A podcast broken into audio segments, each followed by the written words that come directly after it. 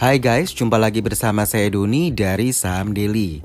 Kali ini kita mau membahas mengenai saham-saham yang tidur di Bursa Efek Indonesia.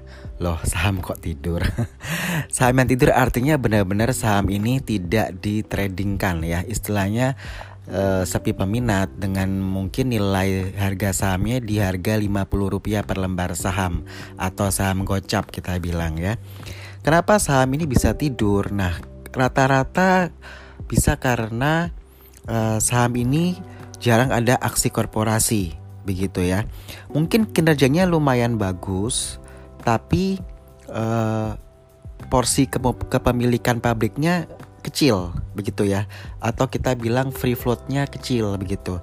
Seperti kita ketahui kalau di bursa efek Indonesia uh, mereka sudah menetapkan minimal kepemilikan pabrik itu 7,5% ya floatingnya begitu Nah, kalau saham-saham yang kepemilikan pabriknya di bawah 7,5% ya artinya kan pabrik uh, sangat kecil ya memiliki saham tersebut. Nah, yang mau trading siapa? Nah, itu kalau misalkan kinerjanya tidak terlalu jelek tetapi uh, jarang ditradingkan begitu ya karena memang kepemilikan kepemilikan pabrik atas saham tersebut jauh di bawah 7,5% ya sesuai dengan ketentuan dari Bursa Efek Indonesia di mana minimal kepemilikan pabrik itu 7,5% ya. Uh, kalau tahun 2018 kita ingat case free floatnya yang uh, free float ini isunya hingga membuat uh, eh, HMSP dan UNVR cukup drop ya waktu itu ya di tahun 2018 mengenai isu free float ini. Lalu yang kedua adalah yang paling banyak kenapa saham itu tidur adalah saham ini bermasalah. Jadi memang kinerjanya bermasalah gitu. Uh, tidak ada revenue yang di generate gitu ya pendapatannya tidak ada lalu berturut-turut mengalami kerugian dan hutangnya terlalu besar istilahnya kelilit hutang. Sehingga ap apa yang bisa diharapkan dari uh, perusahaan dengan kinerja yang uh, jelek ya tentu publik juga nggak akan mau tuh membeli uh, sahamnya begitu ya. Kalaupun yang sudah terlanjur beli ya nyangkut. Nah nyangkut di saham-saham gocap ya saham-saham yang tidur ini begitu Salah satu contoh, oke okay, mungkin saya akan share beberapa saham yang lagi tidur ya, saham-saham gocap ini. Misalkan saham Bakri Telekom atau dengan kode emitennya BTEL ya, BTEL kita bilang. Ini kan yang uh, zamannya CDMA Asia itu ya. Nah ini di, mereka disuspensi ya karena laporan keuangannya itu disclaimer dua kali. Jadi uh, kantor akuntan publik itu dia menyatakan disclaimer ya atas laporan keuangan dari uh, Bitel ini dan itu disclaimernya sudah dua kali. Kalau Bursa Efek Indonesia itu dia punya aturan kalau disclaimer sampai tiga kali bisa langsung di di listed ya. Artinya uh, bisa dicoret dari Bursa Efek Indonesia begitu. Nah, saham Bitel ini kan grupnya Bakri ya. Mereka sudah tidur uh, artu artinya uh, tidak ada aktivitas trading itu sudah lima tahun ya. Nah, untuk dari rentang 2016 ke 2019 itu mereka sudah tujuh kali disuspend ya. Jadi memang ya uh, ini saham gocap yang gocap banget sebenarnya. Tidurnya cukup lama begitu ya. Kalau kita lihat uh, ini modal minus ya, ekuitasnya itu sejak 2013 sudah minus gitu. Artinya dia memang mengalami kesulitan keuangan. Hutang di 2018 itu Bitel di 16,1 triliun. Kalau kita lihat dari uh, utang 2010 itu masih di 7,16 triliun sedangkan di uh, 2018 dia utangnya menjadi 16,1 triliun. Jadi tidak makin membaik tapi makin memburuk ya. Lalu untuk pendapatan hanya 8,5 miliar ya. Ini uh, pendapatan digenerate oleh anak perusahaannya dia ya. Sedangkan ruginya, rugi bersih di 2018 itu sebesar 720,6 miliar dengan market capitalnya dia di 1,84 triliun. Nah, ini 50,9% sahamnya dikuasai oleh retail ya, oleh publik ya. Artinya kalau 50,9% ini kisaran 900 miliar dana masih nyangkut ya. Dananya publik yang nyangkut di saham retail ini. Lalu saya kasih contoh satu saham lagi yaitu saham LT ya, ELTY ya, LT uh, Bakri Land Development ya. Jadi Bakri Land Development ini dia punya jungle land ya, uh, taman bermain itu ya. Nah, ini dia uh, belum menyampaikan laporan keuangan 2018 ya. Jadi uh, sampai dengan 28 Juni 2019 ini mereka me mereka memang LT ini belum menyampaikan laporan keuangan tahun 2018. Sedangkan harga sahamnya ya di harga Rp50 per lembar saham ya. Uh, kita sempat lihat bahwa di Januari 2017 ini saham sempat uh, naik ya, maksudnya ada ada aktivitas, tapi setelah itu tidur lagi gitu ya. Setelah Januari 2017. Sedangkan untuk uh, karena uh, laporan keuangan 2018 belum disubmit, kita lihat uh, yang di kuartal 3 2018 ya. Dia hutangnya itu 4,17 triliun dengan pendapatannya di 801,5 miliar ya untuk laba bersih di 3,1 triliun. Nah, ini aneh ya. Pendapatannya cuma 801,5 miliar tapi kok bisa laba bersih 3,1 triliun dari mana gitu kan ya. Nah, ini kita lihat bahwa ini bisa laba bersih 3,1 triliun itu dari hasil penyelesaian uh, obligasi globalnya dia yang 270 juta US dollar ya. Dan LT ini berusaha melakukan reverse stock split 1 dibanding 10 yang akan diputuskan di RUPS Juli 2019 ini ya. Awalnya kan Juni harusnya, tapi diundur ke Juli 2019. Nah, tentu rencana LT ini ditentang ya oleh investor ya karena uh, dikhawatirkan harga saham akan uh, turun ya ketika dia melakukan yang namanya reverse stock split. Jadi misalkan gini, anda punya uang 500 ribu uh, di saham LT ini ya Atau sekitar 10 ribu lembar saham ya kan Lalu ketika dia melakukan reverse stock Itu artinya uh, harga sahamnya jadi 500 rupiah Dan jumlah sahamnya kan lebih sedikit jadi 1000 lembar Begitu Nah ketika uh, dilakukan reverse stock ini, jadi saya ulangi ya biar nggak bingung.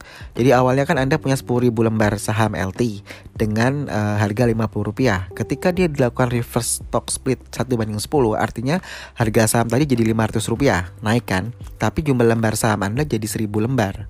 Jadi dari 10.000 lembar jadi 1.000 lembar, harganya dari 50 ke 500 rupiah per lembar.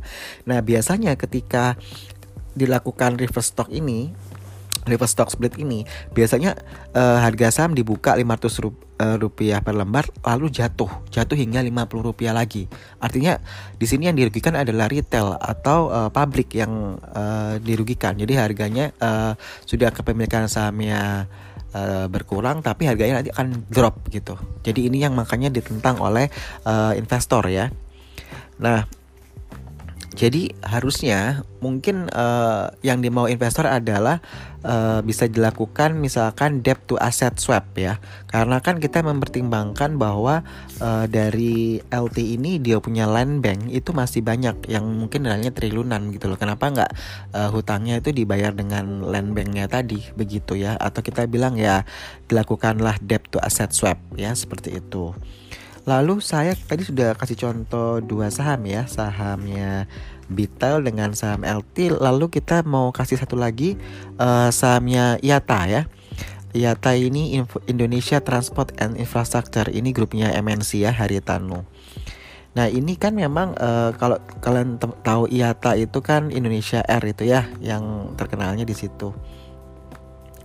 Uh, dia sempat disuspend ya. Uh, 15 April uh, sorry. Suspend itu sempat uh, sekitar 7 bulan kalau saya tidak salah ya. Lalu suspensinya dibuka di 15 April 2019 ya. Jadi mereka disuspend itu karena tidak membayar annual listing fee dan denda. Jadi uh, kalau di Bursa Efek Indonesia Anda listing ya Anda harus bayar iuran tahunannya ya. Kalau nggak bayar ya Anda akan disuspend begitu. Kita lihat komposisinya untuk hutang dia ada hutang 30 1,04 juta US dollar atau kita rupiahin kurs 14.000 di setara 420 miliar ya utangnya. Lalu revenue-nya ada 20,28 juta US dollar kalau kita convert ke rupiah di 284 miliar. Lalu rugi bersihnya dia kita lihat ya dari 6,76 juta US dollar di tahun 2017 naik menjadi 7,25 juta US dollar atau 102 miliar ya rugi bersihnya dia. Jadi ruginya makin meningkat begitu. Nah, untuk rencana IATA dalam uh, menyikapi ini dia akan melakukan yang namanya private placement gitu ya. Nanti efeknya kan terdelusi ya sahamnya. Untuk market cap-nya dia di 498,98 miliar ya.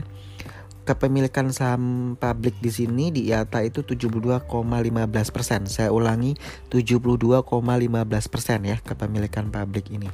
Dan saham IATA ini sudah tidur selama tiga tahun, begitu. Nah, lalu saya akan kasih contoh satu lagi untuk saham-saham yang tidur ya, yaitu adalah Express Trasindo Utama atau dengan kode emitennya taksi ya, TAXI. Ini merupakan Express Group ya ini dia memang uh, disuspend ya dan dibuka suspennya itu di 24 Mei ya. Uh, tapi ya tidak ada transaksi yang uh, menggembirakan ya untuk saham ini begitu. Jadi kalau kita lihat dia uh, Juli 2018 itu disuspend lalu dibuka di 24 Mei 2019 ya, tapi ya perdagangannya masih sepi begitu ya. Nah, uh, taksi sendiri ini disuspend alasannya karena mereka tidak mampu membayar obligasi ya dan akhirnya dilakukannya restrukturisasi begitu ya. Jadi hutang obligasinya diubah menjadi saham begitu kita lihat ekuitasnya dia. Minus untuk uh, saham taksi ini utangnya ada 1,85 triliun ya. Revenue-nya hanya 241,7 miliar. Rugi bersihnya di 836,4 miliar. Dengan market capitalnya di 307,28 miliar begitu. Sedangkan kepemilikan pabrik di sahamnya taksi ini di 48,62 persen jadi induknya dari taksi ini adalah Raja Wali Korporas Korpora ini ya e, miliknya Pak Peter Sondak ya. Bahwa beliau juga sempat e, memberitahukan bahwa akan ada investor yang masuk ke taksi begitu. Jadi memang saham-saham tidur ini juga banyak ya teman-teman yang memang uh, saya lihat uh, banyak yang saham-sahamnya nyantol ya di portofolionya mereka begitu yang stres karena memang uh, saham-sahamnya ini tidak bergerak begitu. Kalau kita lihat uh, as per minggu lalu ya uh, sekitar minggu ke 4 Juni ya 2019 di tanggal 25 Juni lah saya taruh itu saham-saham yang kena suspensi itu kisarannya ada 20 saham ya saya lihat ini oke okay. Saya sebutin aja ya. PT Panasia Indo Resources Tbk uh, eh, kode emiten HDTX suspensinya itu 29 Mei 2019 lalu PT Bakri Telekom Tbk Bitel tadi ya. Itu suspensi tanggalnya 27 Mei 2019 lalu PT Borneo Lumbung Energi dan Metal Tbk atau BORN ya itu 9 Mei 2019 lalu PT Triwira Insan Lestari Tbk Tril ya itu 2 Mei 2019 lalu PT Panasia Indo Resources Tbk HDTX ya.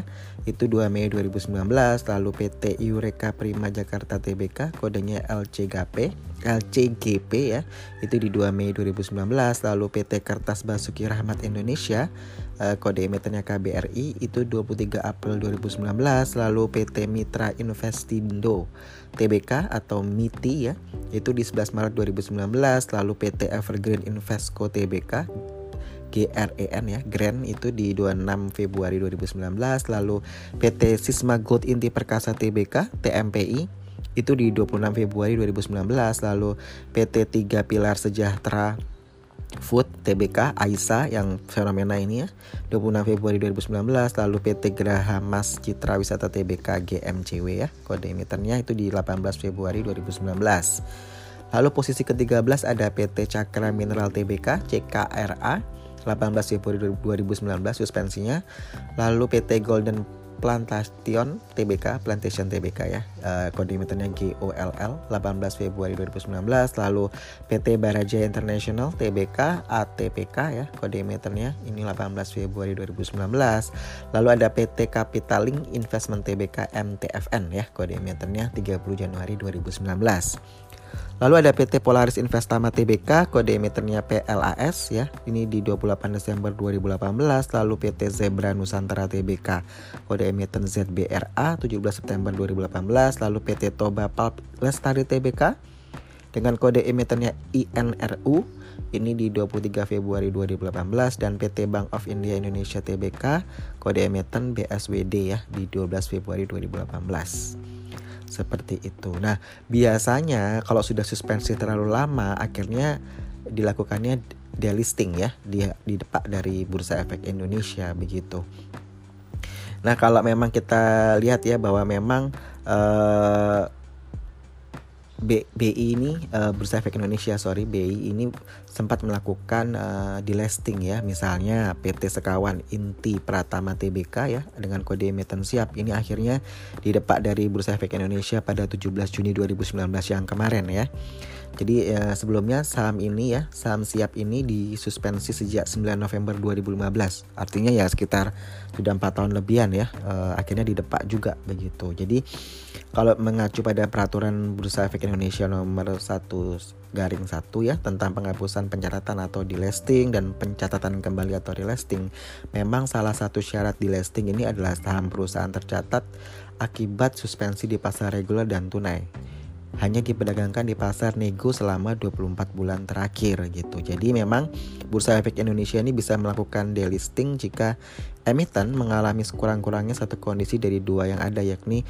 kondisi yang secara signifikan berpengaruh negatif terhadap kelangsungan usaha atau kita bilang going concernnya perusahaan tersebut ya baik finansial maupun secara hukum atau kelangsungan status emiten dan perusahaan tersebut gitu ya. Jadi memang uh, kondisinya jelek lah gitu ya. Sehingga memang akhirnya dilakukan eh, namanya delisting begitu.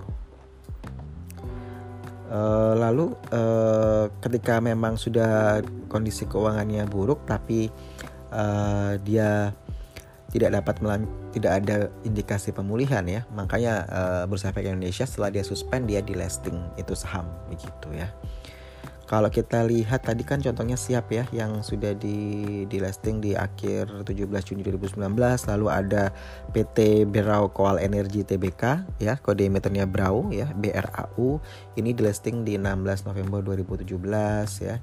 Setelah sahamnya disuspensi di 4 Mei 2015 gitu. Lalu ada saham PT Truba Alam Manunggal Engineering Tbk ya, kode emitennya itu TRUB yang didepak dari bursa juga pada tanggal 12 September 2018. Ini setelah sahamnya disuspensi sekitar lima tahun ya. Jadi mulai 1 Juli 2013 begitu. Nah kalau teman-teman mau lihat yang di, di listing mana aja saya bacakan saja ya. Uh, salah satunya misalkan PT Taisho Pharmaceutical, Pharmaceutical Indonesia Tbk ini kode emiten SQBB ini tanggal suspensinya di 17 September 2009 lalu di di listingnya di depan dari Bursa Efek tanggal 21 Maret 2018. Lalu ada PT Innovisi Infracom Tbk dengan kode emiten INVS ya. Ini di suspensi tanggal 13 Februari 2015 lalu di di listing di 23 Oktober 2017 lalu PT Berau Koal Energy Tbk Brau tadi saya sudah sebutkan ya. Dia di suspensi tanggal 4 Mei 2015 lalu di di listing di tanggal 16 November 2017. Lalu ada PT Permata Prima Sakti Tbk, kode emitennya TKGA, ini disuspensi tanggal 30 Juni 2015, di delisting, delistingnya tanggal 16 November 2017. Lalu PT Truba Alam Manunggal Engineering, sorry saya ulangi, PT Truba Alam Manunggal Engineering Tbk atau kode meternya TRUB ya. Ini suspensi 1 Juli 2013 di di delistingnya di 12 September 2018. Lalu yang terakhir tadi saya sudah sebutkan yaitu PT Sekawan In, Intri Pratama Tbk kode emiten siap Suspensinya tanggal 9 November 2015 lalu delistingnya di 17 Juni 2019 yang lalu. Jadi untuk teman-teman ya yang memang uh, lagi hold saham-saham yang uh, gocap, saham-saham yang nilainya 50 rupiah dan saham tersebut statusnya sus disuspensi. Jadi Anda bisa tadi kan saya sebutin tuh yang saham-saham yang disuspensi apa saja. Nah itu Anda juga bisa harus hati-hati ya.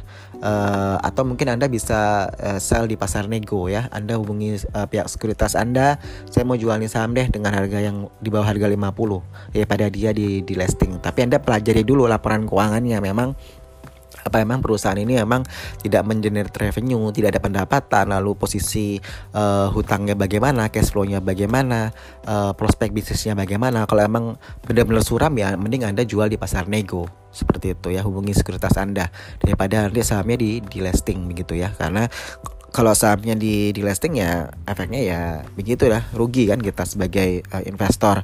Dan ini pelajaran buat teman-teman yang suka dengan saham-saham gorengan begitu ya. Ya hati-hati lebih hati-hati itu jangan sampai nyangkut uh, jadi nyangkut terus-terus begitu. Jadi ubah mindset tradingnya. Jadi kalau di episode sebelumnya saya bilang mindset ini sangat penting ya. Teman-teman bisa dengar episode sebelumnya ya uh, di mana emang di situ saya katakan bahwa penting sekali punya rules dalam trading saham, punya aturan. Anda punya setup aturan, Anda buat aturan bahwa oh saya mau beli saham yang begini begini begini. Begitu supaya mindset Anda juga kebentuk. Jadi ketika trading itu Anda tidak buyar, tidak ikut-ikutan, tidak asal dan tidak nyangkut akhirnya. Jadi itu penting banget kalau saya dapat klien yang banyak yang nyangkut ya harus dibenahi adalah mindsetnya begitu. Jangan sampai orang ini jadi member tapi ya nggak berubah begitu. Karena harapan kita kalau anda join di premium member atau anda boleh di saham daily boleh di member-member yang lain atau anda punya konsultan uh, saham ya uh, saya sarankan sih yang penting di mindset itu. Jadi tujuan anda beli saham itu untuk apa? Ingat dulu tujuan awalnya untuk apa. Jadi kalau anda mau beli saham anda harus punya tujuannya. Apakah untuk investasi untuk trading begitu jelas ya kalau trading mau yang swing trading. Kalau swing trading kenapa harus di hold lama-lama? Ya kan? Sampai besoknya masih di hold kenapa gitu? Padahal tujuan anda tuh yang scalper. Tujuan anda uh, misalkan gini sorry. Kalau tadi scalping kan anda beli uh, hari yang sama anda jual gitu kan? Kalau uh, swing trading kan 1 sampai 14 hari begitu ya. Jadi kalau anda sudah beli saham swing trading ya kalau sudah lebih dari 14 hari ya anda harus pertanyakan ini saya masih mau hold atau bagaimana? Begitu.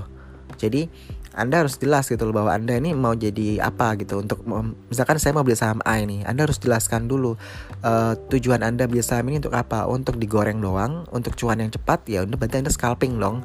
Beli pagi, jual eh, pagi atau pagi jual sore gitu ya. Ketika rugi, rugi ya Anda harus jual begitu, jangan di hold. Karena tujuan Anda itu scalping atau kita bilang day trading atau uh, fast trader, fast trading begitu ya. Tapi kalau Anda oh saya tujuannya uh, untuk swing trading gitu ya. Berarti yang antar sampai dua mingguan anda bisa hold begitu.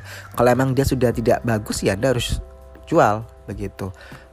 Ya kecuali anda investasi. Memang anda sudah screening saham-saham dengan fundamental bagus ya nggak apa-apa. Naik turun naik turun I don't care gitu. Karena perusahaan ini anda sudah pelajari laporan keuangannya. Fundamentalnya cukup kuat begitu.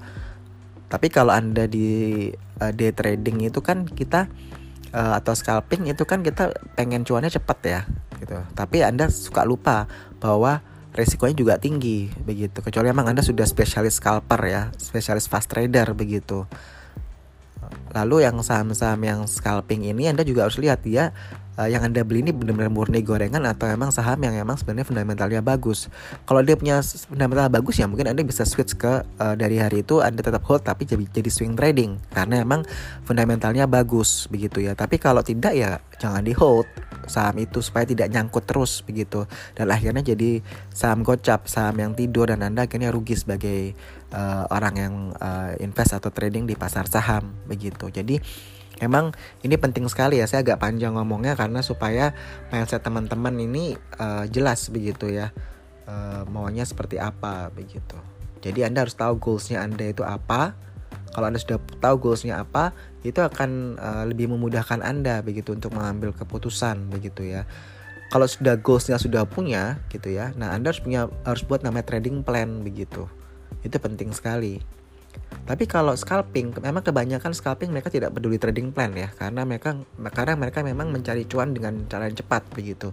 Nah, untuk swing trading masih uh, swing trading dia masih pakai uh, trading plan. Uh, investor apalagi pasti dia punya trading plan. Nah, kalau yang scalping scalping yang gorengan, nah ini memang rata-rata mereka tidak punya uh, trading plan, cuma lihatnya dasar yang running text aja, uh, top gainersnya siapa yaitu saya beli gitu jadi tidak punya pola gitu. Tapi kalau anda scalper yang sudah pengalaman pasti anda sudah setup nih. Oh saya mau cut loss di level berapa saya mau profit di level berapa. Nggak harus tinggi tinggi uh, profit taking yang penting saya uh, profit saya cari saham yang lain yang saya bisa profit dalam hari uh, ya dalam hari yang sama begitu. Jadi mindset ini penting ya. Kalau yang belum dengar mindset yang rules itu bisa di episode 70 berapa itu yang kemarin? 78 ya. Jadi uh, ini kan episode 79. Jadi Anda dengarkan yang episode 78 di situ. Dengar baik-baik begitu ya. Oke, saya Doni dari Saham Daily out.